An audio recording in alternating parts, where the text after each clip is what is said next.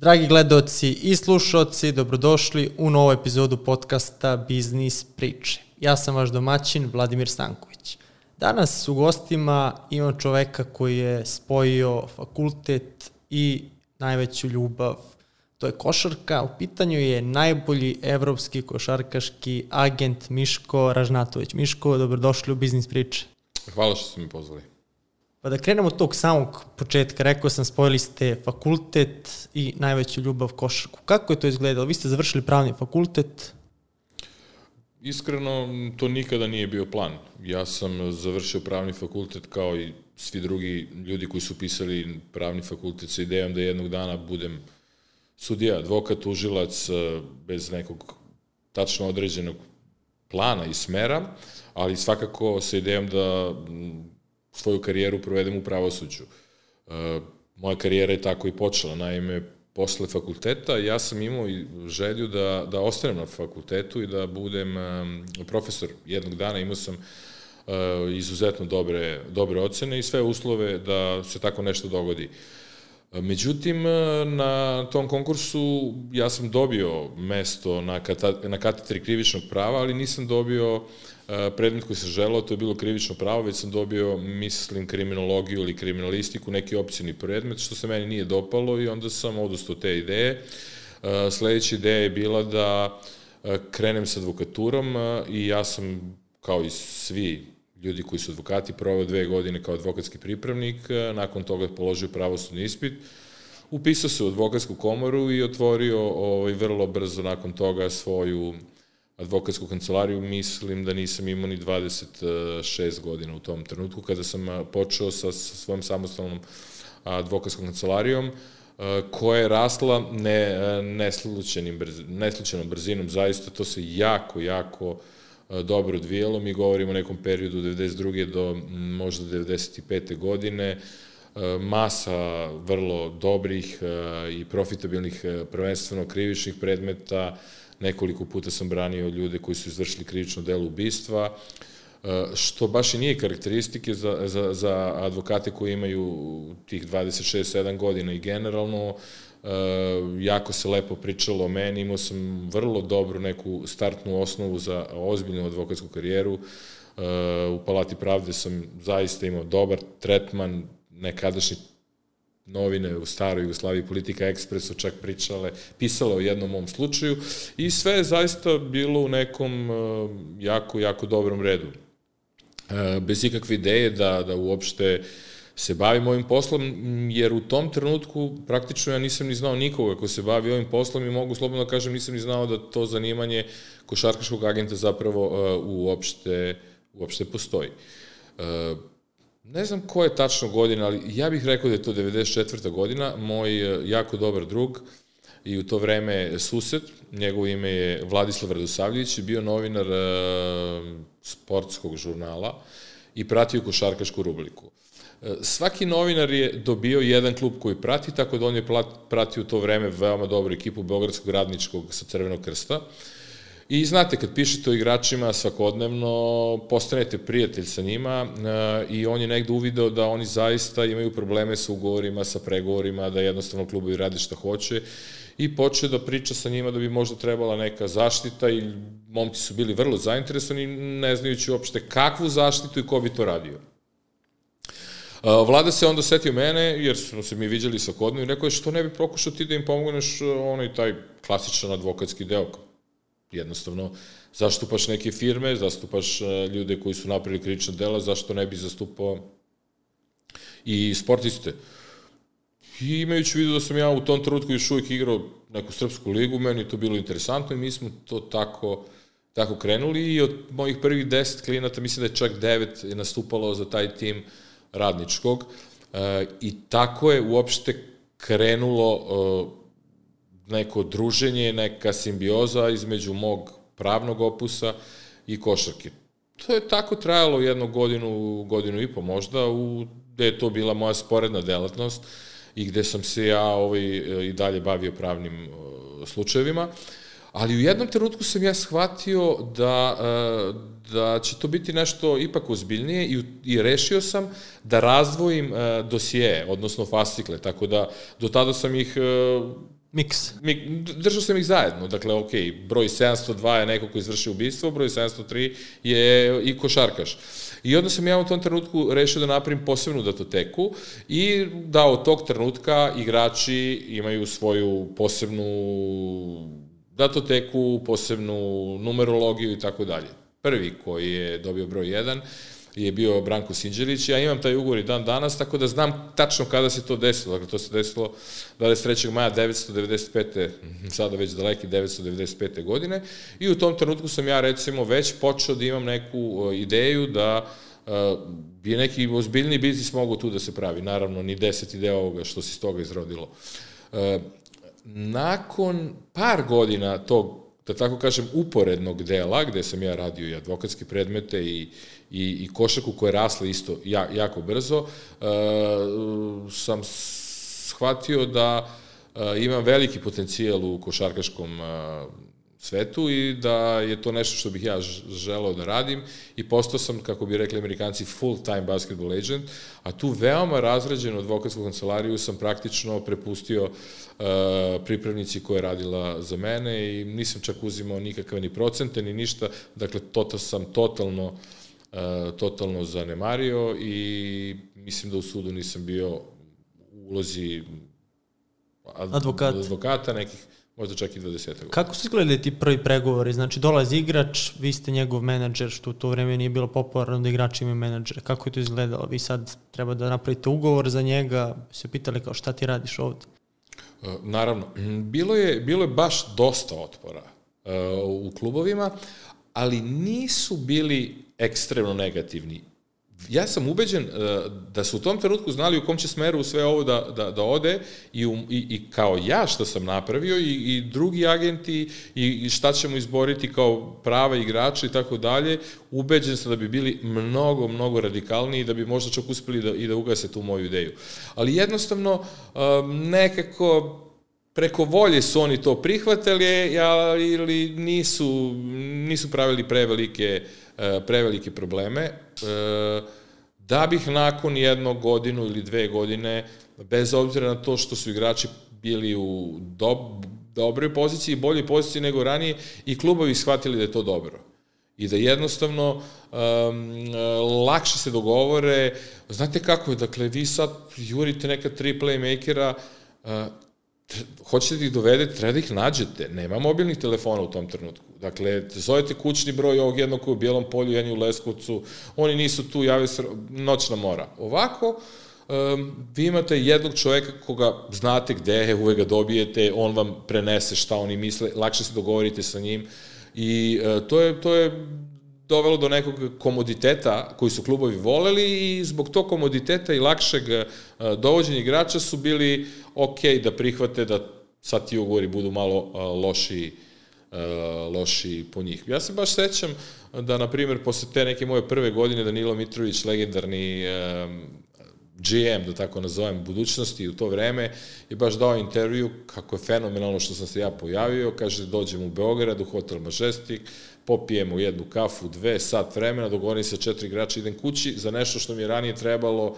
mislim, nedelje, nedelje vremena i tako. Tako da, a, tako je to sve nekako krenulo, ja vrlo često kažem da sam bio neka vrsta, za košarkaško pravo, neka vrsta zaista Vuk Karadžića. Nije bilo ugovora i ja sam taj koji osmislio najpre kako će da se zove, jer kad kupujete nešto, to je ugovor o kupoprodaji, kad pozajemljujete ugovor o zajmu, a ovo nije bilo naslova. I ja sam onda rekao, to je, napisao sam na tom mom prvom ugovoru o profesionalnom angažovanju sportiste. I tako je i dan danas. Tako je i dan danas. Onda, e, sećam se da, na primer, klubovi su obezbeđivali e, igračima ishranu.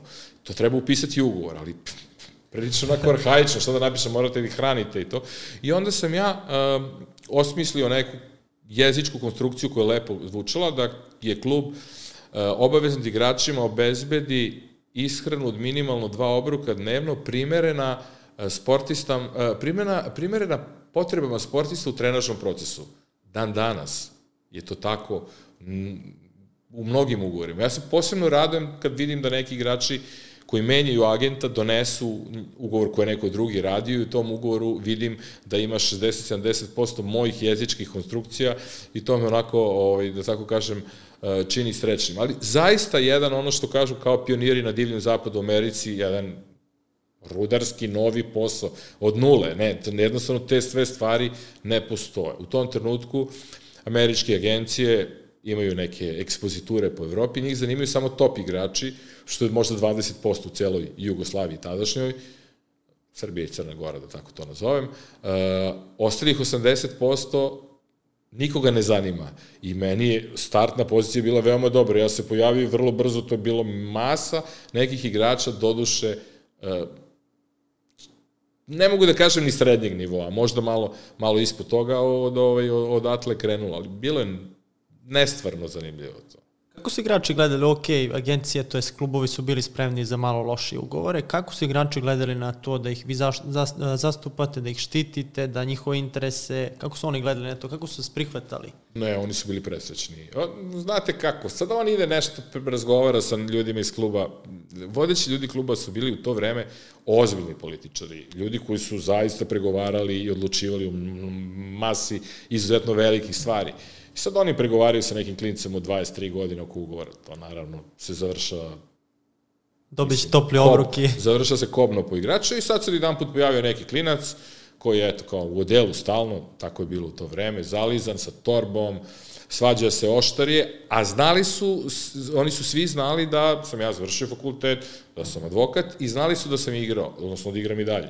Tako da bili su, baš su bili onako, ovaj, uh, uh, dobro su se osjećali. Dobro su se osjećali da imaju nekoga uh, i tako, ono što je isto vrlo zanimljivo u to vreme, ti, ti ljudi su moje godište. Dakle, moj klijent je bio Slađa Stojković, Mileta Lisica, oni su moje godište. A onda uh, su, su dolazili neki koji su stariji mene. Zoran Sretenović je bio stariji od mene dve godine. Ali da, da ne idemo sad baš u te sitnice, to su momci koji smo vrlo, vrlo slične starosne dobi i onda ta komunikacija je jednostavna. Danas e, su moji klijenti igrači koji su 2006. godište, koji su 40 godina mlađi od mene i to je potpuno drugačije nego tada kada sam počinjao, kad, na primjer, ne znam, e, bili su tu ljudi proti kojima sam ja, proti kojima sam ja igrao i oni su me znali dobro.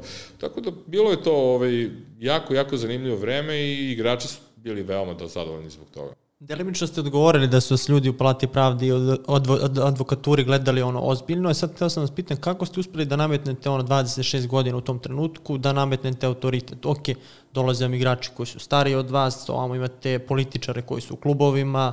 Kako ste uspeli da ono sa 26 godina aktovkom i zalizanom kosom da nametnete autoritet nekoga ko stvarno zna šta radi i koga treba slušati? Iskreno, nemam baš odgovor na to pitanje. Ja mislim da su da, da su tu neka dva elementa. Prvo, mislim da sam tim ljudima iz kluba bio simpatičan. Jer eto, kao sam neki klinac se tu pojavio i tako dalje. Drugo, eh, ono što svi kažu i dan danas, ja sam sve vreme bio veoma korektan. Dakle, nije bilo sad tu dogovorimo se nešto, sutra dan to ne važi ili sutra dan bude drugačije. Ovaj, to je neki e, aksijom u mom poslu gde mi se dogovaramo, ako se dogovorimo, ja ne mogu da promenim posle toga. Šta god da se desi. I držao sam se toga i jednostavno oni su vrlo brzo videli da je to, da ja imam znanje i da uh, se te stvari dobro razvijaju i na neki način je, je taj autoritet se pojavio na početku, kroz godinu i dve, jel, rezultati ti daju na snazi ili gubiš snagu, pošto su moji rezultati stvarno bili dobri, na primjer, svećam se neke arbitraže gde Borovica nije hteo da plati Slađana Stojkovića i, i Luković, Ljubisava oca, današnjih igrača Uroša i ovog e, Marka. Uh, ja sam, to, to je bila vrlo jedna teška arbitraža na, na Košarkaškom savjezu Jugoslavije, igrači su dobili To je bilo prvi put, to je i bila velika stvari. E, takve stvari ti daju vetar u leđa i isto tako e, pojačaju tvoju sliku e, u populaciji košarkaškoj, da tako kažem. Kako izgleda taj prvi ugovor koji ste potpisali? Koje su to sume bile u to vreme? E, Branko Sinđević, to je bilo 35.000 nečega. Ja mislim da su to bile nemačke marke i to je hm, ozbiljno. U to vreme. U to vreme bilo sasvim ozbiljno. U, isto tako u to vreme, pošto je nesigurnost bila velika, mi smo tražili dosta novca napred da bi se to da bi se ugovor potpisao. Dobili smo baš dosta novca napred i bili smo vrlo zadovoljni s tim ugovorom, a kada on danas priča o tom ugovoru i dalje kaže da je to bio šokiran, da nije mogu da veruje, taj nova ugovor, sve odredbe. Uh, on je inače jedan iz ekstremno duhovita uh, momak i sada već čovjek i da je toliko novca na stolu, da, da je stavio novac ispod sebe, da sedi na njemu kad je vozio, da mu neko ne ukrade i tako. Eto, taj ugovor je bio takav otprilike. Jeste zamišljali u tom trenutku ono da ćete godinama kasnije praviti ono milionske ugovore? Ne, iskreno ne. Zaista, e, nisam ja imao neke tu specijalno velike planove. Šta god da krenete da radite, želite da napravite najbolje. Kreneš da treniraš košarku, želiš da budeš NBA All-Star igrač. Tako da ja sam ovako želao da budem što uspešniji, ali ako hoću da budem iskreni prema sebi i prema svim drugima, e, da mi je neko rekao da ovo što se dogodilo u zadnjih 6-7 godina, a pogotovo što se dogodilo u 2021. godini, da će mi se desiti, ja bi se grohotom nasmijao to. Ni, ni, u, ni u najluđim snovima, najoptimističnijim vizijama to nije bilo plano. Kako izgledalo u tom samom startu kod pregovaranja? Ok, deo ide igraču, kako ste vi tu on imali biznis model? Je li na procenat ili... Da, i to eto kao što, kao što sam rekao na početku, ja sam sve morao sam da smislim. Niste znali. Da smislim kako ću. I šta sam ja smislio u tom trenutku, to je bilo neki dvojaki model uh, plaćanja. Dakle, uh, klub te traži, hoće da te angažuje, ti me zoveš i ja te zastupam. To znači, ja pregovaram za tebe, ja napravim ugovor, ako bude problema, ja se bavim pravnim servisom, to bude 3% od zarade igrača.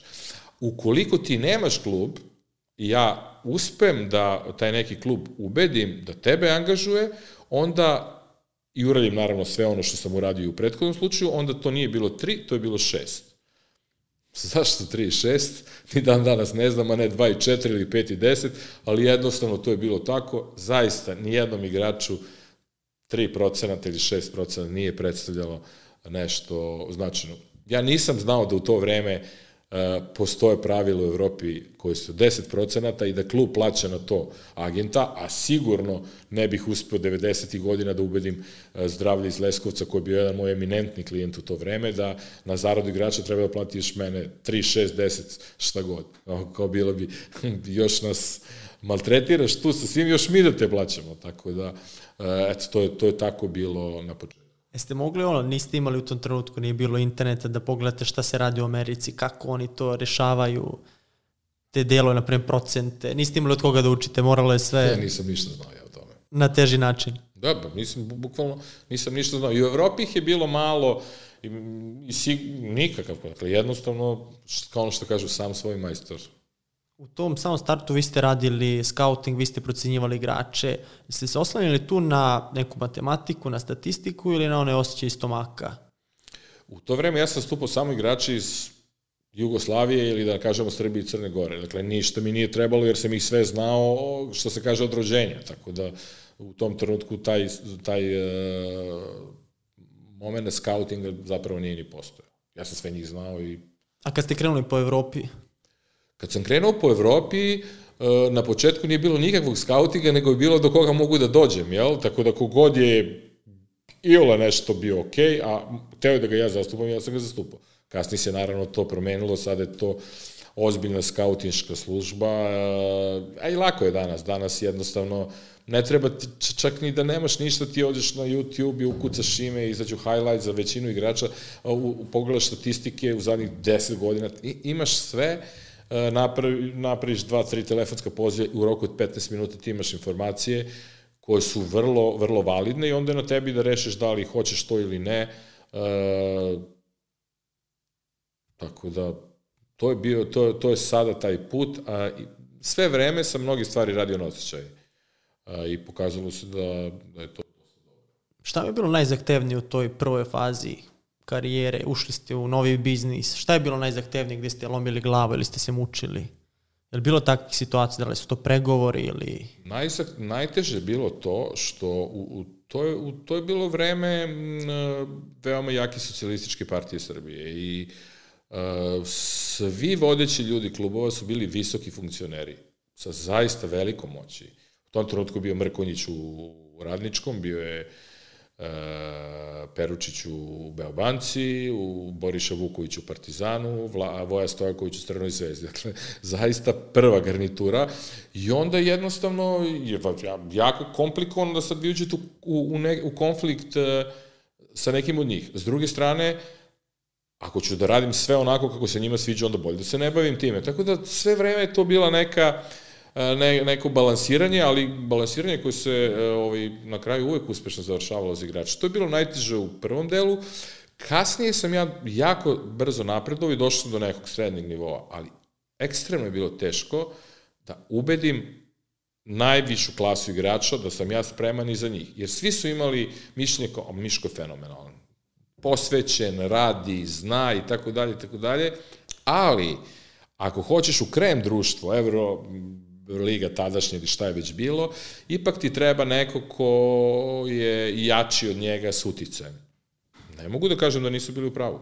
Jednostavno, e, danas, danas kad hoću da uzmem nekog igrača od malih agenata, ja im upravo to govorim. Kao, da oni su stvarno do, dobar ti agent, ali, znaš, ne može da zove predsednika CSKA u, u ponoć. Kako ste rešili onda taj problem? Šta je bio game changer tu? E, ja sam e, dosta dugo bio, to sam više puta tako upisao, u predvorju velikih transfera. Dakle, malo fali, pa isklizne. Ma, baš je bilo onako, ne mogu da kažem frustrirajuće, ali smetalo mi je. I onda se sticem neverovatnih okolnosti e, došlo je do tog mog poznanstva sa Dudom Ivkovićem, ono je trajalo jedno par godina i onda 2002. godine on je trebao da ide u Denver ili Dallas, više se ni ne sećam, uh, sa Kiki Van der Veom i to je otpalo, pojavio se CSKA i uh, mi smo već postali prijatelji, uh, već sam ja radio advokatski posao za njega za neke probleme iz stvarnog prava, on je imao poverenje u meni i rekao je da uh, ja to, te pregovore vršim. Uh, ja sam to zaista uradio na sjajan način. To je bio, ja verujem, uz Obradovića najveći trenerski ugovor u Evropi, e, pritom je zahtevao neke garancije koje su bile baš e, teške i potpuno nove. Šta je bilo tih garancija? On, on je tražio bankarsku garanciju za tri godine ugovora. I meni je to bilo prilično onako šokantno, jer ja o bankarskim garancijama nisam znao puno, gotovo ništa. Uspeo sam ja nekako CSKA da ubedim da oni daju te bankarske garancije, bez većih problema, ali oni su dali bankarske garancije Ruske banke, gde on odmah rekao, naravno ne, treba nam nešto ozbiljnije od toga. I na kraju smo mi dobili bankarske garancije e, švajcarske banke sa ruskim kapitalom i to je bilo fantastično. Zaista, ja sam išao, ne znam, mislim da je bila Ženeva, da pokupim te papire i osjećao sam se stvarno kao neki mali James Bond, baš je to bilo ovaj, sjajno. E, mnogo godina kasnije sam ga pitao što je insistirao na tome. Mislim, prilično tipično. I, I on kao sigurno najpametnija osoba koja se bavila ovim sportom, uh, mi je objasnio, kaže, veruj mi, uopšte me nije zanimalo to kao garancija za novac. Zanimalo me kao garancija za posao A to znači, kad izgubimo neku utakmicu, a za tri godine se izgube neke utakmice koje ne treba da se izgube, i kad oni krenu tu u nekom raspoloženju čudnom, da, Menjamo da trenera. razmišljaju tako dalje, onda se na sve sete da postoji taj papir i onda mnogo trezvenije e, trezvenije razmišljaju. Dakle, na taj način e, izbegavamo hirovite reakcije, a hirovitih reakcija u istočnoj repi ima jako puno. E, tako da, Završi se taj transfer, naravno Duda u CSKA, veliki povratak, mnogo naslovnih strana, mnogo tekstova, mnogo fotografija i odjedan put e, ja sam postao, ne mogu da kažem veliki, ali postao sam ozbiljan agent. E, bilo je lako posle toga, zato što više nije bilo problema. Ako sam mogu da igračima jednostavno kaže, e, vidi, ako je Duda sa svojih 60 i nešto godina i životnim iskustvom izabrao tog agenta, Taj agent uradio dobar posao. Šta onda? Ja sa 25 nemam nikakvih problema. I naravno to je tada krenulo i e, išlo je jako, jako velikom brzinom. Ja sam sada, nažalost, kada je Duda preminuo, uh, dao neku izjavu koju sam rekao da je on promenio život gde se desetorici, dvadesetorici trenera, stotinama igrača i promenio život jednom agentu, to sam ja, da, bez ikakve bez ikakve dileme. Ja verujem e, da bih ja sigurno došao na neki veliki nivo, sigurno, ali e, kada, kako i da li, i da li bih taj visoki nivo bio baš ovaj, a da njega nije bilo, ne mogu, ne mogu da, da tvrdim. Zaista mi je e, taj transfer otvorio sva moguća vrata. Tu ste već ušli ono da, visoko to je, društvo. To, to je već ono što se kaže u futbalskim žargonom, tu sam već u Champions League. I šta je bio posle toga ono transfer koji ste dokazali, otvorili, otvorili ste vrata tu i koga ste sledećeg, da kažem, uvaljali? Pa ne, dakle, tu, tu, sad, tu sad krenulo. To je krenulo, ja, krenulo i tu su se novom pravili evroligaški transferi, uh, Došao je Spanulis koji je bio draftovan, što niko nije očekivao, pa je iz Panathinaikos otišao u Houston, potpisao NBA, moj prvi NBA ugovor, prvi draft. Uh, krenuli su jedan put da se šavaju stvari koje ja nisam imao vremena da se okrenem i da razmišljam o tome, to je jednostavno non stop se nešto, kako bih rekao, popravljalo, odnosno dizalo, dizalo na, na viši nivo i već tih nekih u drugoj polovini prve decenije 21. veka, dakle 2005. do 2010. ja sam važio za jednog od najboljih evropskih agenata uh, i dalje sam radio na isti način koji sam radio pre, dakle ja sam ekstremno mnogo putovao, viđao se sa ljudima, gledao utakmice, što zaista je nešto što ja bih radio i da me ne plaćaju za to. I tako je to išlo do neke 2010. godine, da bi onda Spanulis prešao iz Panathinaikosa u Olimpijakos. E, to je zanimljiva priča. I to je definitivno ovaj, uh, bomba. Bomba i to je nešto što je recimo mi stavilo na mesto broj možda i jedan u Evropi, jer se smatralo da agenti nemaju ovaj, hrabrosti da urade tako nešto, transfer je bio veliki i tako Ajmo za ljude koji, koji nisu ispratili tu situaciju ili koji ne znaju detalje, ono, da, da obradimo tu situaciju. Znači, 2010. godina, kakva je situacija bila, Spanulis? 2010. godine njemu istekao ugovor sa Panatenikosom, on je bio jedan od dva najbolji igrača u celoj Grčkoj i jednostavno igrači tog nivoa ne menjaju klubove od zelenih ka crvenima i obrnuto. Jednostavno, on nije bio zadovoljan nekim stvarima tamo koje nisu monetarne. Olimpijakos je, tako kažem, imao tu viziju da bi to moglo da se desi, oni su probali, mi smo pregovarali, jednostavno to je bilo interesu njegovom da pređe, što se u sledećih deset godina pokazalo da je pravi potez, i ja jednostavno nisam imao niti jedan problem da ja ispratim ono što je dobro za igrača, bez obzira na te neke negativne posljedice za mene, koje sam znao da će se pojaviti i koje su se na kraju krajeva uh, i pojavile. Ali bila tu priča da on ide u NBA ili... Ne, on je bio u NBA u Houstonu, vratio se, ta priča je završena, odigrao u, u Panatinikusu još dve godine i nakon toga je prešao u Olimpijakos. Uh, Koliko ste vagali za, za tu odluku? Nije to odluka koja ono, završi se sutra, već će imati posledice. Mogla su da budu u tom trenutku, niste znali kakve će biti posledice. Nisam ja se previše bavio sobom, kao što se nikada ni ne bavim. Dakle, danas dvojice smo pričali i bilo je evidentno da to što on želi od košarke ne može da dobije u Panathinaikosu. Uh, uh, nakon toga je samo trebalo da Olimpijakos zaista shvati koliko je to težak potez preći kod njih i da to valorizuje kvalitetnim ugovorom. Oni su to uradili, to su uradili, završao. U kakvom ste odnos ostali sa Željkom posle Obradovića? E, mi smo u tom trenutku tog prelaska bili veoma, veoma bliski. Ja sam znao da će se ti odnosi poremetiti i poremetili su se i, mislim, godinama, godinama nije bilo komunikacije. Sada je, opet postoji kad se desila ta bomba i cijela situacija, šta je bilo kasnije, ono, posljedice po vas, pozitivne, negativne, osim da su vas svi znali E, pozitivna mi je bilo to što su svi rekli kao, pa on je definitivno drugačiji od drugih, jer je bez ikakvih problema to, to napravio. E, naravno, u, popula, u toj nekoj navijačkoj populaciji Olimpijakosa ja sam postao neki heroj i to sam i dan danas prošle nedelje sam bio na utakmici tamo u Pireju, e, bukvalno oni se javljaju meni u dvorani kao da je Megina dvorana, od čistača do security-a, ne nosim nikakvu akreditaciju, prolazim gde god hoću i tako dalje. Simpatično, jako od tog transfera prošlo 10 godina.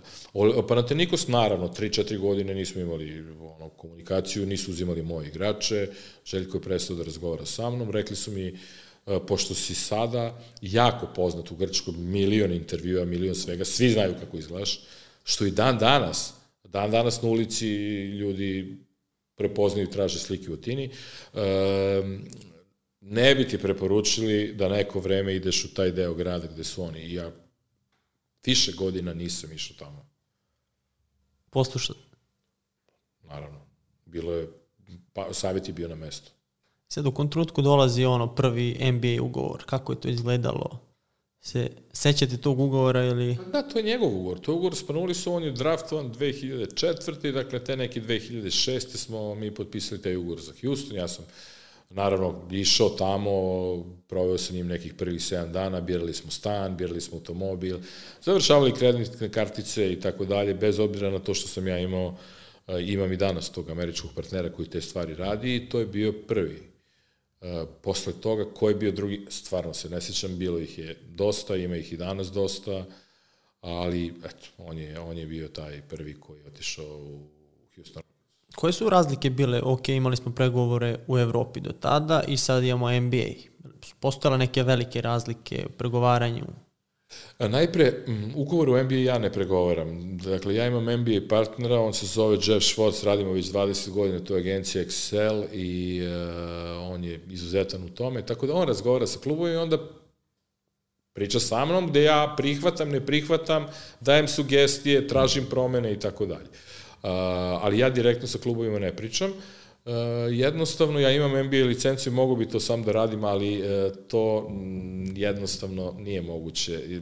Dobar deo dana kada u Americi nešto treba igračima, ja spavam zbog vremenske razlike, mi evropljani spavamo u tom trenutku. Dakle, za, za prosperitet u biznisu morate da imate američkog partnera, ja sam srećan da sam izabrao najboljeg, odnosno nije bio najbolji trenutak kad smo krenuli među vremenu je postao i ovaj, to, to odlično funkcioniše. Što se samih pregovora tiče, ja mogu da vam kažem da je to mnogo jednostavnije u NBA, zato što 70-80% stvari je određeno po pravilima i ja sad ne mogu da kažem za nekog, e, ja hoću 300 miliona.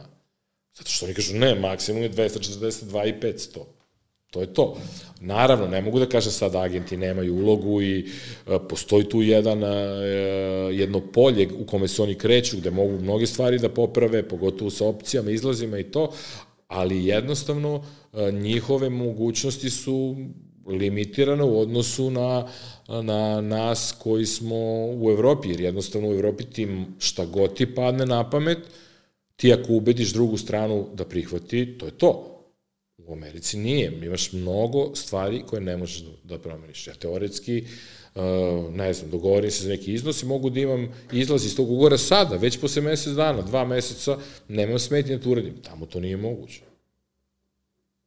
Uređeno sve zakonski? Sve je uređeno tim uh, kolektivnim ugovorom i jednostavno e, zaista mnogo je lakše. Ja sam vrlo često u šali rekao da uh, ti najbolji američki agenti da dođu da žive u Evropi i 3-4 meseca i da rade ovo što ja radim, a to znači da pregovaraju sa malim turskim timom sa Crnog mora, sa ukrajinskim oligarhom i e, sa izraelskim i sa, da je sve potpuno različito i vrlo često neregulisano i divlje, ja verujem da niko ne bi dočekao šesti mesec u Evropi od njih. Ubeđen sam.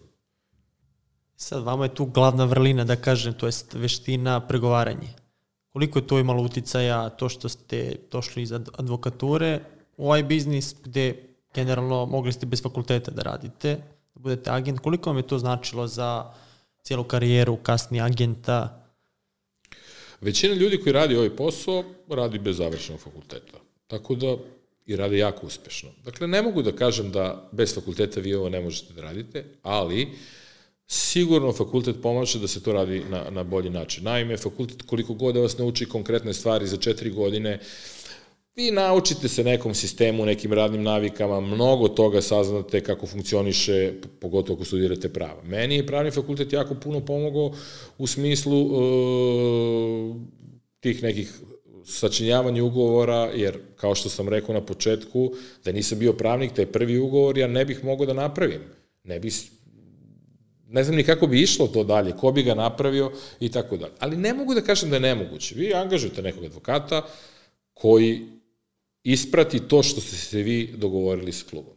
Suština, uh, suština ovog posla je da vi ubedite klub da uzme vašeg igrača, što znači 3-4 playmakere koji su na tržištu, da vi njih nekako usmerite i oni se saglase da je najbolje rešenje taj koga vi zastupate, a ne neko drugi.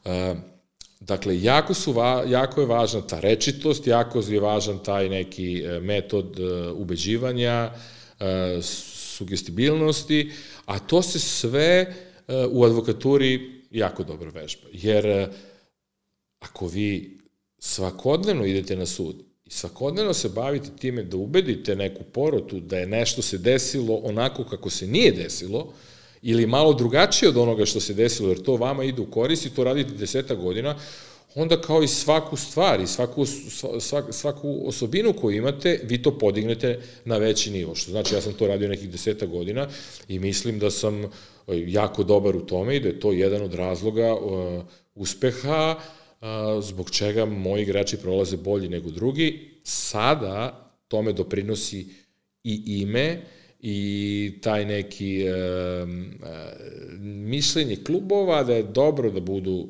u dobrim odnosima sa mnom, odnosno sa agencijom, i da ponekad, u, kako bih rekao, neće oni uzeti mog igrača ako je protivnik Michael Jordan, ali ako su slični i ako je taj neko drugi malo bolji, u velikom broju slučaja će uzeti ti mog igrača. Što zbog uh, načina na koji ga ja predstavim, što zbog toga što žele da imaju, uh, kako bi rekli, jaku konekciju sa uh, najjačom evropskom agencijom. Takođe, oni znaju da u slučaju problema ja lako rešavam situacije.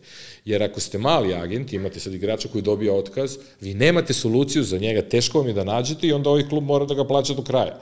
Ako je to velika agencija poput moje, sa razgranatim vezama, onda jednostavno uh, je veća verovatnoća da ja nađem posao na nekoj drugoj strani gde se onda oni vrlo, ne mogu kažem vrlo lako, ali znatno lakše reše tog, e, tog potpisanog ugovora. A nemate neki pregovor koji je bio ono najteži da ga pamtite, da ste se baš namučili?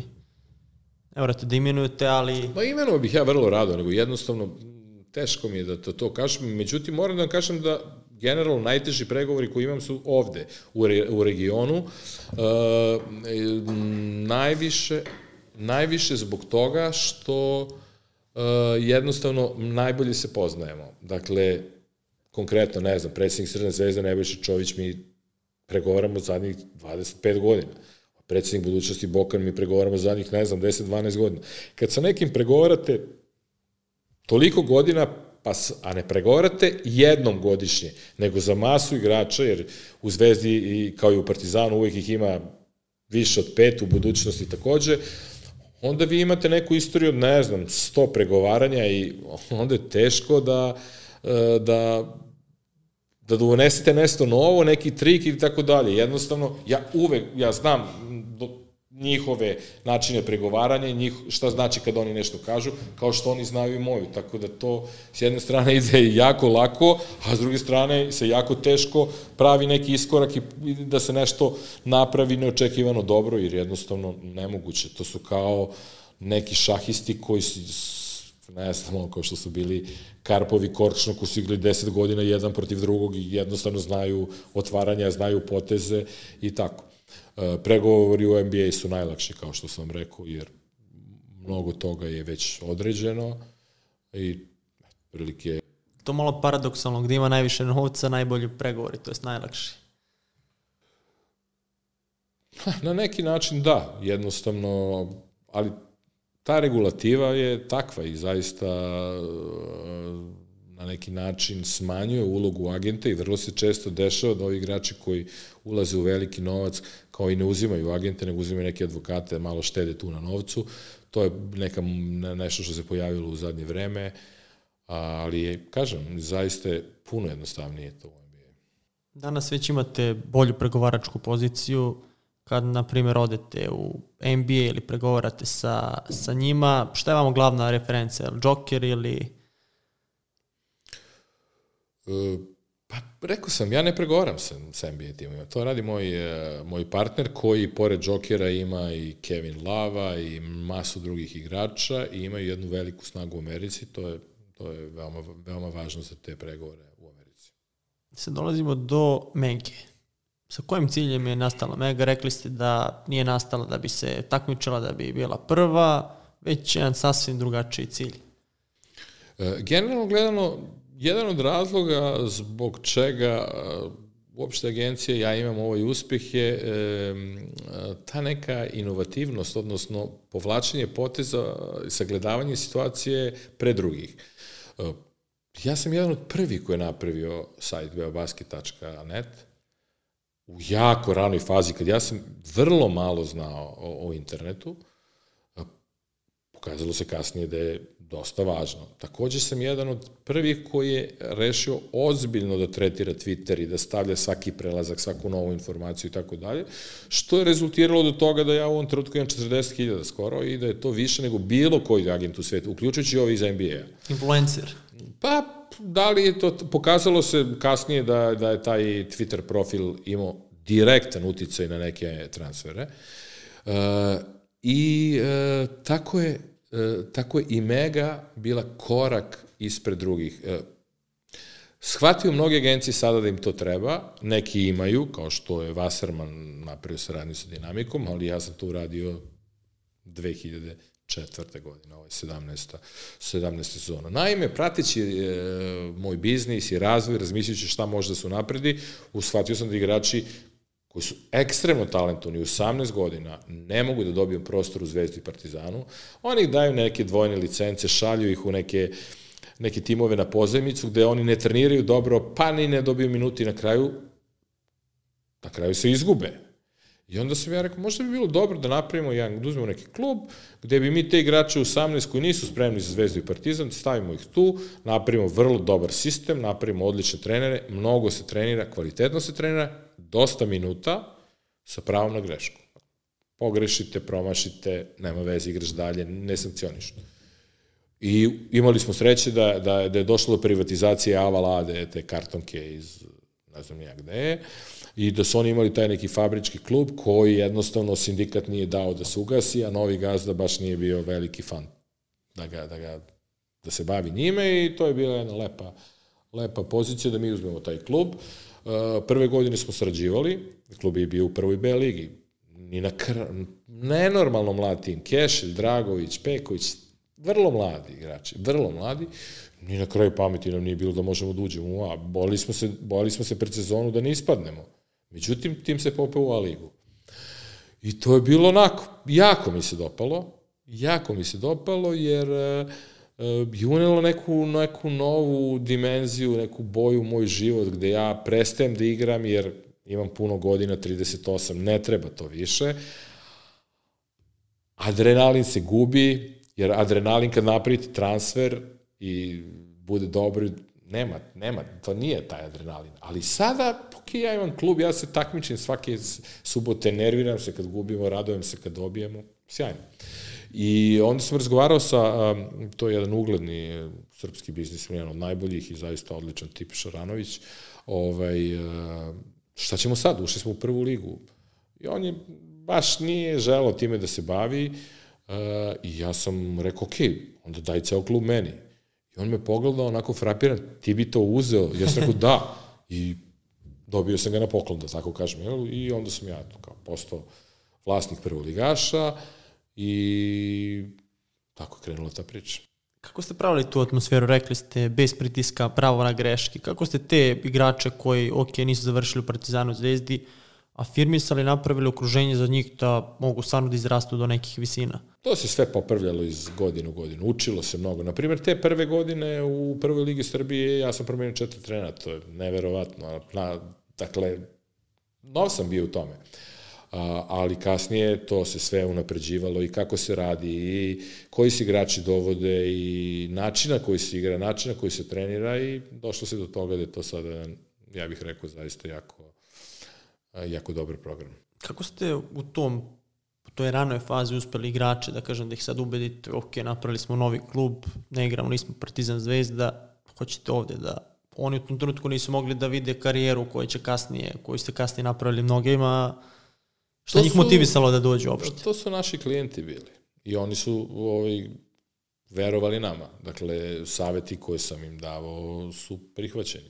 Nije, nije to bilo tako, tako i preterano teško, ali već posle prve, druge godine vidjelo se da ta mega zanimljiva i da daje šansu klincima i onda su oni e, počeli da dolaze. Ne bih se složio sa tim da je to igranje bez pritiska, apsolutno ne. Samo jednostavno kad pogrešiš, niko ti ne skine glavu i ne uđeš u, u, u igru kroz dve nedelje, nego izađeš napolje i uđeš kroz, kroz dva, tri minuta. Jednostavno, e, a, a, ako želiš da igrači se razvijaju i ako ih imaš igrače koji su 18, 19 godina tu, ti moraš da znaš da će oni da prave gluposti. Tako je. Kao i u životu, sa 18, 19 se prave stvari koje se ne prave sa 32. I a, a, a ako uh, kažeš sam sebi, u redu je to, dakle, kad ode lopta u aut, kad se, ne znam, napravi nešto, to sve trpiš, imaš nervozu zbog nekog višeg cilja, da oni postanu pravi, da taj klub uzme obeštećenje, da taj igrač napravi veliki ugovor, da taj agent uzme proviziju, jednostavno ti racionalni momenti pobede tu trenutnu nervozu, bar kod mene, kod mnogih nisu, mnogi to ne uspevaju da. Dakle, ja bih vrlo, vrlo, mislim, Nikola Jokić kad je igrao za Megu, zaista, des, kakvi, ne znam, nebrojeno mnogo puta je napravio neke stvari u igri koje, ono, te toliko iznerviraju, ali ti kažeš, ok, to je proces odrastanja, to je proces pravljanja jednog velikog igrača. Nisam očekivao da će biti tako veliki igrač, da sam očekivao da može da bude ovo što je mogo, dozvolili bi mu da šutira nogom. Jednostavno, ali videli smo da ima veliki talent i da, da će biti nešto od njega i da redak talent i borili smo se sa, sa tim greškama koje su postojale. Micić da ne govore. To je bio baš fenomen Jokić gde je direktno iz Megije otišao u nebesa. Šta bi bilo da je on završio u Partizanu Zvezdi ili... Ja mislim da, ja sam to i njemu rekao, mislim da se to, da ovo što sad imamo da se nikako ne bi dogodilo. Nema nikakve šanse. Ne zato što Mega i Megini treneri su bolji od trenera u Partizanu ili je bolji, ne, ne, apsolutno ne. Jednostavno, Nikola je bio uh, mlad, fizički slab, bio je zaista klinac i trebalo je puno strpljenja i trebalo ga je čekati. U Zvezdi Partizanu to se ne bi dogodilo. Ne za Nikolu, nego za bilo koga drugog. Niti ih treba osuđivati zbog toga. Oni moraju da, moraju da pobeđuju. Business. Moraju da pobeđuju. Jer moraju da, ne mogu da trpe oni sa nekog klinca tu mesec dana da napravi četiri loše utakmice, jer navijači prave pritisak, taj pritisak je sve veći e, razvojem društvenih medija, tih portala i tako dalje.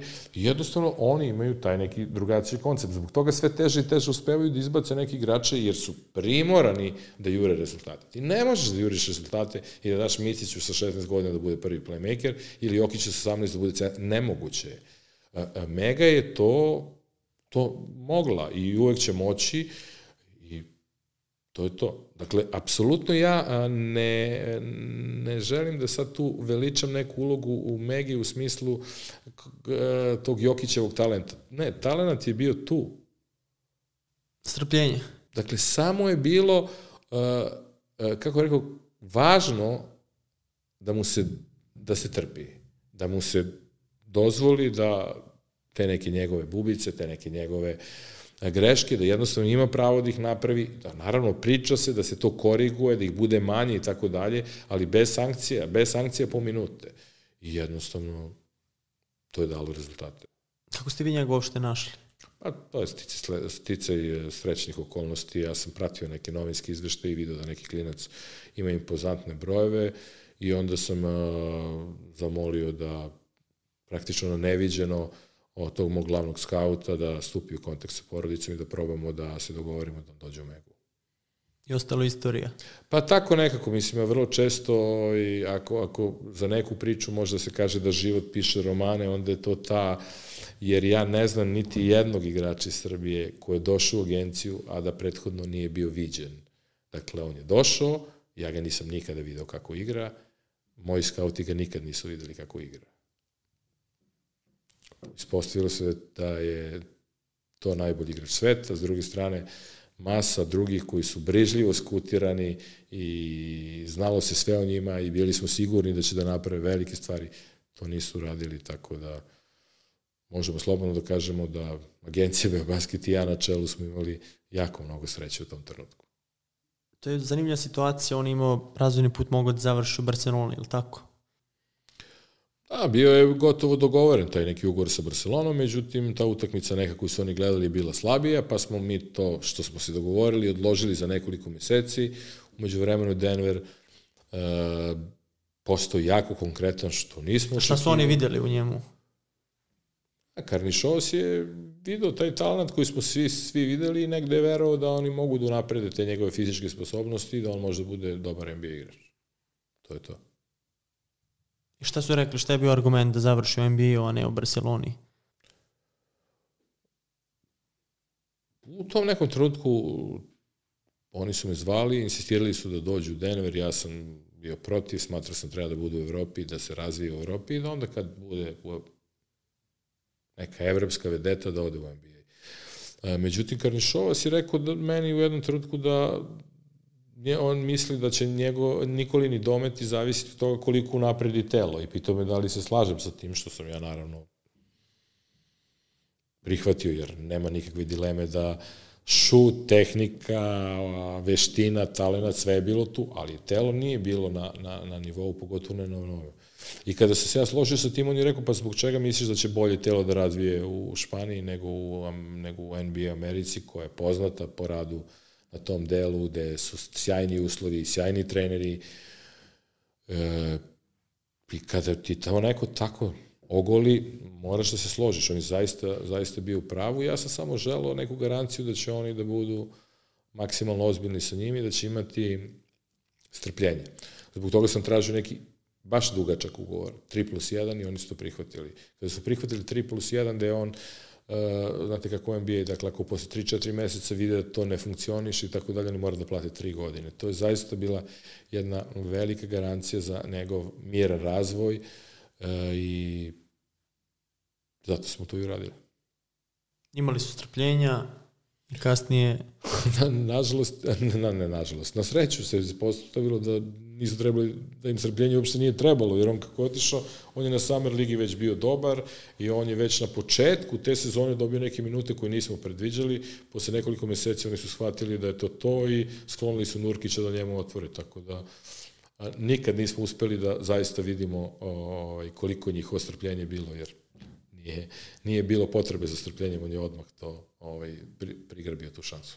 Zanimljiva priča kad je pričao Bobi Marjanović da ste mu tad ponudili savet da dođe u Megu, da igra za to vreme 500 evra, ali da se razvija, da kasnije može da završi gde on rekao, ono, to je to, idemo.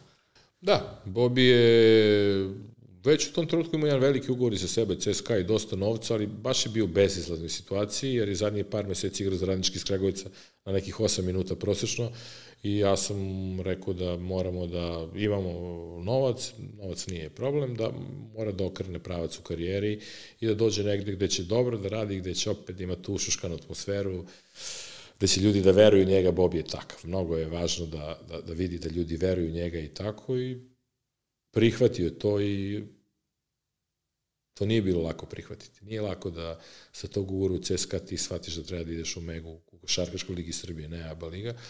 Pošto on to odmah prihvatio, vrlo brzo dobio nagradu za, za, za to nema njega, kako bih ja to nazvao. Gde vidite budućnost košarkaških klubova u Srbiji? Da li su to ono, borba za titulu ili ih vidite kao rasadnike talenata? Da li će iskupirati taj Megin model? Ajmo da pravimo talente, nije bitno da se sad borimo, ili ono, ajmo sad da jurimo Partizan Zvezda i to je... Crvena Zvezda i Partizan nikad neće moći da, da kažu ajde, da pravimo igrače, pa šta bude. Dakle, to su timovi sa armijom navijača i oni će se uvek boriti za rezultate i to najveće moguće i to tako treba da bude. Rezultati će dobrim delom zavisiti od financija, to je nešto što ja ne mogu da predvidim šta će se dešavati u budućnosti.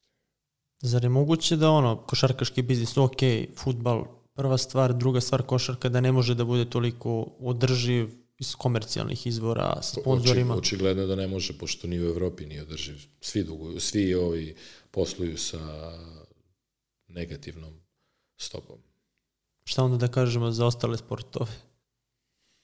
Zaista nisu u mom delokrugu. Ali može taj model opet, opet Megi da se iskopira na, na futbal? Ajmo da pravimo rasadnik. Sigurno da može. I ja znam da ljudi pokušavaju to. Mislim da je Čukarički je Čukarički neki klub koji radi na, po vrlo sličnim principima. Međutim, mislim da je znatno jednostavnije to nekako u košarci, jer mi smo, mislim da su naši klinci nekako bolji košarkaši nego futbaleri ili ne znam šta god već. Ali generalno uh, moguće, moguće uraditi tako nešto u futbolu. Zaista. Kakav je vaš utjecaj ljudi kad komentarišu Miško selektor na reprezentaciju? Koliki je to uopšte utica i da li je to ono priča prazna? Da ste vi rekli da imate samo 10% klijenata iz Srbije. Pa priča zaista prazna. Dakle, ljudi ovde smatraju da je ne, nenormalno važno za mene i za moji igrače da igraju za reprezentaciju, da bi napravili neke ugovore, da bi zaradili neki novac. To je neka priča koja je ostala u glavama ljudi iz 90. godina, iz futbala i tako, to uopšte nije slučaj. Sto puta govorim da prvenstvo u košarci se igraju u septembru, kada je sve već, ceo market je gotov. Ako ti u septembru ideš na evropsko prvenstvo ili olimpijadu, bez ugovora ti si u velikom problemu i ništa ti to ne znači. Tako da jednostavno to je nešto što ljudi pričaju bez ikakvog osnova, ali ja se ne borim protiv toga kao što se ne borim ni protiv drugih glasina u današnje vreme.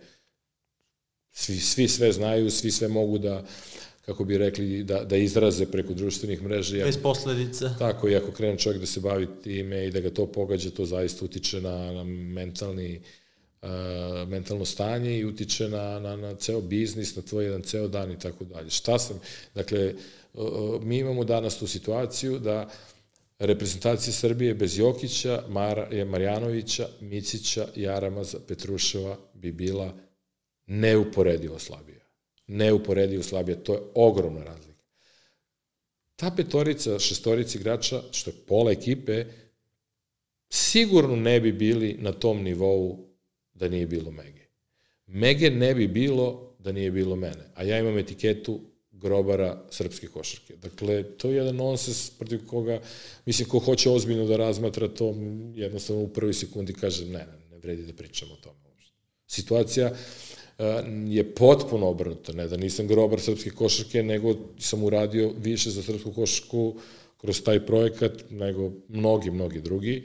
I ne samo za srpsku, nego za evropsku košarku, jer uh, ako tu, pored srpskih igrača, kažemo da su tu i neki Zubac, i neki Luvavu, i neki Čančar, i neki Bitadze, i neki Simonović, i ti iz Mege, to je odatle izašlo 15 igrača na vrlo visokom nivou, koji pitanje da li bi to uradili da nisu išli tim putem, jer su svi bili u Čorsokaku i Čančar, i Zubac, i to su bile Rluvavu, to su bile mnogo teške situacije. Iz tih teških situacija svi oni dolaze na jedno mesto, na tom jednom mestu napreduju, postaju veliki igrači, kao Luvavu daš 15 pojena u finalu olimpijade, Bitadze bude prva runda drafta, Čančar videli Kako se to desilo? To se desilo tako što su jedan određeni deo svog života živeli, trenirali, igrali u Beogradu.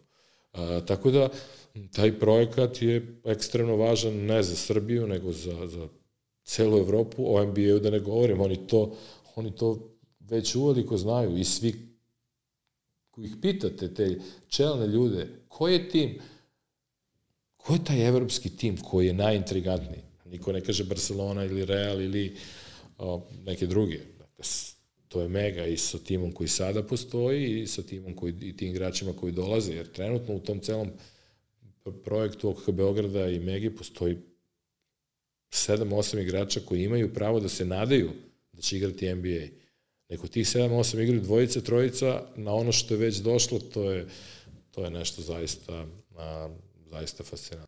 Koliko je bitno tim igračima koji uđu u neke 20. godine, a nisu se do, do tada negde pronašli, koliko je bitno njih ako prepoznate talent, da ih vratite na neki pravi put i da ih kasnije afirmišete? Ako oni do tada nisu uspeli ili... Srb, Srbija i Mega, nažalost, prerano otpisuju ljudi. Dakle, sad ti imaš 20, 21, u Francuskoj se još smatraš kao onom drugom klasom espoir, da možeš da igraš u mlađim kategorijama, u Španiji jedan takav može da se skida, da ne budu 12, a mi kažemo, oni su gotovi. To je, to je pogrešno. Jer mnogi od ovih igrača koji danas briljiraju, Lučić, Milosavljević, Jović, Stefan Marković, dakle, govorim sad igračima koji, koji nisu moji, u 20 godina nisu pokazivali to. Jednostavno, treba imati strpljenje, definitivno. To je, to je ključ za razvoj igrača. Kad se pogledate svoju karijeru, ili imate neku grešku koja vam je kasnije, koja vas je neuspeh, koja vas je kasnije doveo do uspeha na koji ste ponosni, ne bi bilo svega ovoga da nije bilo tih grešaka i neuspeha? E, ja sam imao to su sigurno puno neuspeha. Puno puta sam pokušao da potpišem neki igrač iz agenciju, nisam uspeo. Toga je pogotovo bilo na početku, sada znatno manje. Takođe, ni, sigurno neke igrači nisu uspeli da naprave transfere koji su želeli ili možda mogli. Ali nešto što bih ja, da tako kažem, um, specijalno izdvojio, dosta je teško. Ovaj, moj prvi veliki igrač je bio Milenko Topić i u trenutku kada je trebao da potpiše taj pravi ozbiljan ugovor sa Sijenom, on me je promenio i otišao u drugu agenciju. To je bio neki baš onako veliki udarac u tom trenutku, ali koji uopšte nije uticao na to da se nešto, kako bih rekao, demorališem ili prestanem da radim, ne, samo je, uh, rekao sam sebi, moram da nastavim jače i bolje, sledeći put se to neće desiti i tako i bilo. Kako gradite taj odnos sa, sa igračima, posebno sa ovima kojima ste, da kažem, često u kontaktu? Kako gradite taj odnos da bude onaj prijateljski, poslovni, a da iz toga izrodi ono i uspeh i rezultat? I iskreno, ja se uopšte ne trudim da gradim bilo kakav odnos. Dakle, mislim, komuniciram sa njima na način na koji bih komunicirao i sa drugim osobama. Ja sam vrlo direktan i prilično sam neposredan, a mislim da sam u toj nekoj komunikaciji zanimljiv jer se on, često se šalim i tako dalje. Znam primere za svaku situaciju, pošto mnogo pratim košaku u 20 godina i jednostavno to, uh, to tako ide. Nemam neki magični recept uh, za to. Pritom postoji jako puno klijenata s kojima ja imam vrlo površan odnos, gde je to jednostavno biznis model. Okej, okay, ti smatraš da vrediš 700, 800 i uspijem da napravim milion, svi smo presrećni, napravimo taj ugovor, ja pratim kako igraš, malo komuniciram u porukama, komentarišem utakmice, ako postoji neki problem, ti me zoveš, ja ga rešim, to je to. Ne, ne, nema, nik, ja ni ne želim da budem pritisnjen. Vrlo često kažem igračima, ako ti treba agent babysitter koji će te zove svaki drugi dan da vidiš šta radiš, nemoj kod mene. Ako ti treba profesionalac koji će uvijek da ti završi što treba, ja sam taj. S kojim igračima ste ostali u najboljem odnosu ili ste u najboljem odnosu? Koji su prestali da igraju? Ili... Pa sve zajedno. I ovi trenutni ili... Pa od tih nekih igrača iz prošlosti, Nikola Peković uh, i recimo taj Mirza Teletović su neki posebni.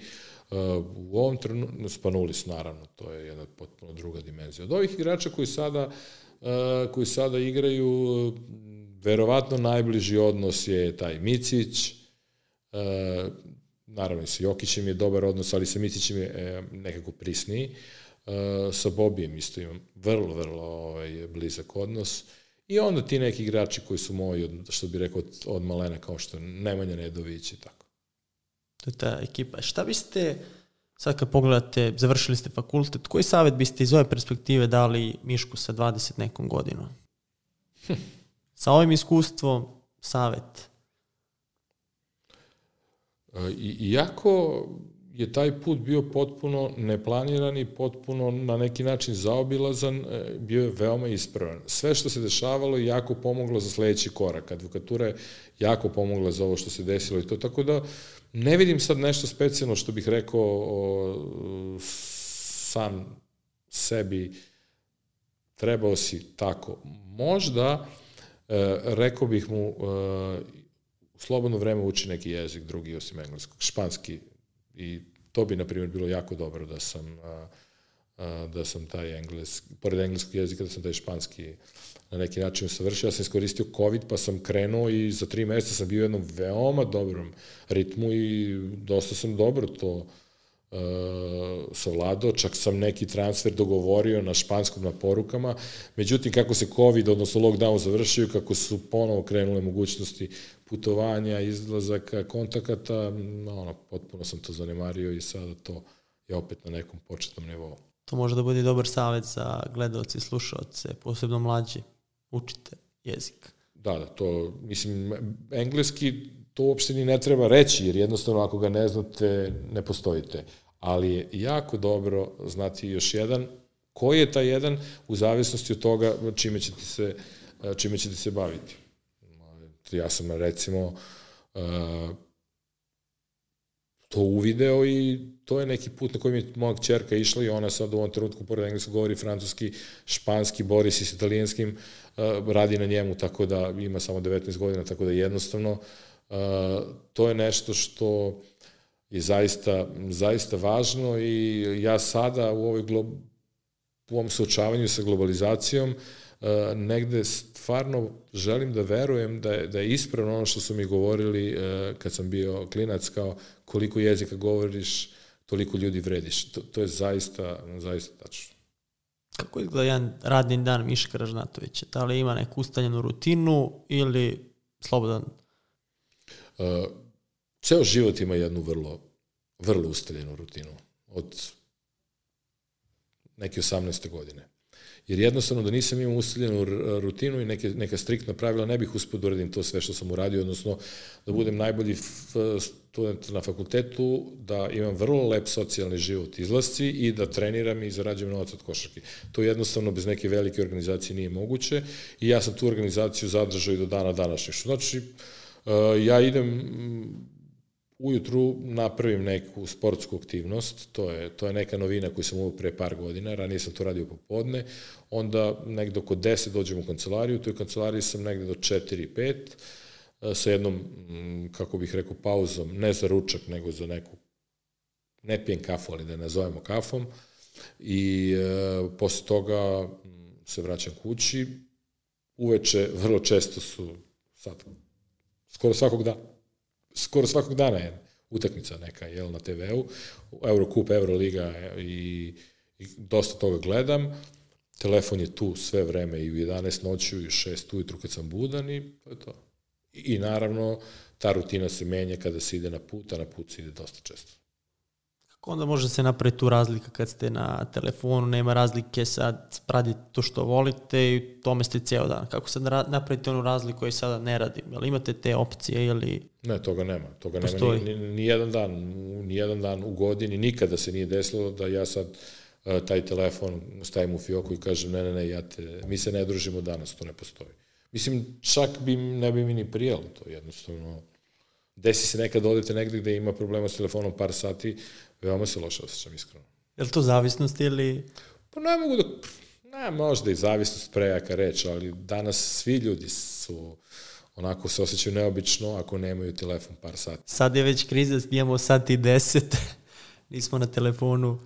Ne, ne, ne, tih, ne, tih problema nema. Jednostavno, kad nešto radim, kao što idem na sport, sad tipa ne padne mi na pamet, ali kad nemam obavezu, nisam sastanak, nije neki medijski kako kažem, događaj, onda je neobično to. Ovako sad da mi pričamo 4 sata, ja 4 sata ne gledam telefon, nema nikakve okay, ne se. bavim se nečim drugim. Ja, nije to problem. Spomenuli smo tri, Twitter, influencer sa Twittera, 40.000 pratilaca i poznate su te zagonetike koje ostavljate na Twitteru. Kako je došlo do toga uopšte? Naravno, veoma, veoma na jedan neobičan način. Naime, uh, Ranije, kad je bio taj sajt Beobasket, ja kako napravim transfer, ja tako stavim na sajt, prelazak. I to na neki način označava završetak nekog procesa, nek, neku satisfakciju. Kao kad položite ispit na fakultetu pa štiklirate, kao u vojsci kad prođe jedan dan pa na kalendaru prekržite, eto, kao uradio sam nešto, nešto iza mene. Uh, onda se pojavio Twitter i, i ja sam stavljao prelaske na Twitter sa tom, ist, sa, tom ist, sa tim istim značenjem kao što je bio na sajtu. Dakle, uradio sam, gotovo je, ne brine više njemu. Uh, Nažalost, vrlo često klubovi ne dozvoljavaju da ja to stavim, jer oni žele da oni to objave u nekom trenutku koji je marketinški dobar za njih. To se meni naravno nije svidelo, onda sam ja našao neko, neko rešenje da ja to zadovoljim sebe tako što ću staviti da, a, zagonetku koja označava da je taj transfer realizovan, a klubovi ne mogu da se bune jer ja nisam de facto stavio to da se taj transfer dogodio. I onda sam tako, ne znam ko je bio prvi, onda se to ljudima svidelo, da, svima je zanimljivo kao da sad to nešto pogađaju, te neke zagonetke, nekad su vrlo lake, a nekad je i dosta teže, tako da u zadnje sam vreme malo posustao sa tim i ljudi se baš bune kao ne, kao šta je sa zagonetkama i ovaj, tako dalje, tako dalje. Koliko im treba ono da, da reše? Su brzi ili... Zavisi kako je ali ja se trudim da to ne bude nešto što će... Očigledno. Što, očigledno, a isto da ne bude nešto što će sad lupati glavu satima, danima i tako dalje. Tako da, jednostavno, morate da imate neko košarkaško znanje, morate malo da povezujete i lično, ja kao neko ko mnogo voli košarku, da mi neko takve stvari radi i tako da ja bih volao to. Ja kao malo da se poigramo, jel? Život je suviše tmuran u zadnje vreme, tako da svaka neka razbi briga je samo plus. Gde još nalazite tu razbi brigu? Knjige, filmovi, utakmice najviše? A, knjige ne čitam, nažalost, jer jednostavno tra... ja ne mogu da čitam knjigu tako što ću čitati mesec dana, e, to, to nisam ja. Dakle, ja moram odmah, ako krenem da čitam, ja moram odmah da znam šta će se desi i tako dalje. Znači, ako knjiga ima 300 strana, ja moram da je pročitam u cugu, a nemam vremena za to. Uh, E, tako da jednostavno e, meni jako prija taj sport kojim se bavim, e, svakodnevno, utakmice naravno i neki tako da kažem, što bi rekli mladi danas, blejanje. Dakle, jednostavno odeš negde, popiješ piće pričaš o nekim stvarima koje uopšte nisu, nisu, nisu bitne. Za kraj, šta biste hteli da poručite gledocima, slušocima, neka poruka može biti iz ovog cijelog razgovora, neki naglasak? To je naravno jedno, jedno od najtežih pitanja, ali e, ja kažem, na primjer, da klinci koji treniraju košarku uvek trebaju da imaju u glavi Nikola Jokića. Jer na, Nikola Jokić je postao najbolji igrač sveta, priroda mu nije dala to. Nije mu, ne trči prebrzo, ne skače, nema mišiće kao Ate Kotumbo. A što znači moguće je Moguće ako imaš neki talent, ako si posvećen, ako radiš, svako danas može da se nada, e, kad je mogo Nikola Jokić, da probam i ja. I to je nešto zbog čega ja govorim da je, e, da je njegova pojava jako važna za ceo košarkaški univerzum. E, ako sada to o, na neki način prebacimo na moju životnu priču, mislim da bih ja mogao da budem isto tako jedan uh, uh, lep uzor ili svetionik nekim uh, momcima koji tek kreću na fakultete, na biznis i tako dalje i tako dalje. Jer uh, u ovom trenutku, da ne zvuči to neskromno, ja imam tu neku titulu najboljeg agenta u Evropi, bavim se nekim poslom koji, poslom koji ne znam, Ako kažemo da 80% populacije u Srbiji muškaraca obožava košarku, onda od tih 80% 90% bi volilo da bude košarkaški agent uh, sa ovakvim klijentima i ovakvim, ovakvim statusom. Ako sam ja to mogu da napravim, zašto to ne bi mogo da napravi neko drugi? Bilo da bude košarkaški agent ili da napravi nešto veliko i da jednog dana bude uh, nešto, neko ko će ostati zapamćen po nekim velikim stvarima. Moje reference, odnosno moja startna pozicija je bila kao i startna pozicija Nikola Jokića. Dakle, ok, bio sam neko ko je jako volao košarku, ko igrao košarku na nekom visokom srednjem nivou, super. Ništa preko toga. Bio sam odličan student, neko koji je to zaista uradio na jedan dobar način, ali takvih studenta ima, nisam ja jedini ko je to uradio i sada me je to dovelo do ovih visina. Dakle, život je prepun mogućnosti i bitno je samo da e, verujete da možete da napravite neke velike stvari i da, da budete baš, baš uh, posvećeni. Jer uh, ono što je recimo bila moja najveća karakteristika od 16. godine pa do dana današnjeg, ja sam jako puno uh, truda ulagao u sve što sam radio. Otac me naučio kao ili radiš 120% ili ne radiš. I nekako toga sam se držao. Stvari koje me ne zanimaju, kao na primjer vožnje biciklom, nisam nikada ni probao. Jednostavno ne zanima me. Ove stvari koje me zanimaju i koje hoću, tu sam maksimalno davao sebe i negde sam, negde sam ubeđen da, da kad dajete maksimalno sebe i stvarno ste baš onako idete preko granice bola u nekom sportskom žargonu ovde, to nije granica bola, nego su neke druge mogućnosti, da nagrada, da nagrada uvek stižu. I za kraj, reći ću im jednu životnu situaciju, naime, E, Dudin brat Piva je bio moj trener neki 87. godine, u Radničkom mi smo trenirali i on je, bili smo baš loši. I on je prekinuo trening, pištoljka, svi na centar.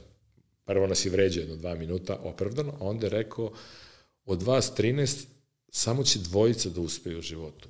Ti i ti. Ja sam bio jedan od te dvojice. Kada je on to rekao, naravno prijelo mi je, ali nisam znao zbog čega, jer nisam bio ništa ni bolji, ni gori na tom treningu drugog. Bio sam prilično loš, kao i svi. A, I onda je on dao obrazloženje za to i rekao je, vi ćete uspeti samo što, zato što ste vi jedina dvojica u ovom timu koji muče sebe.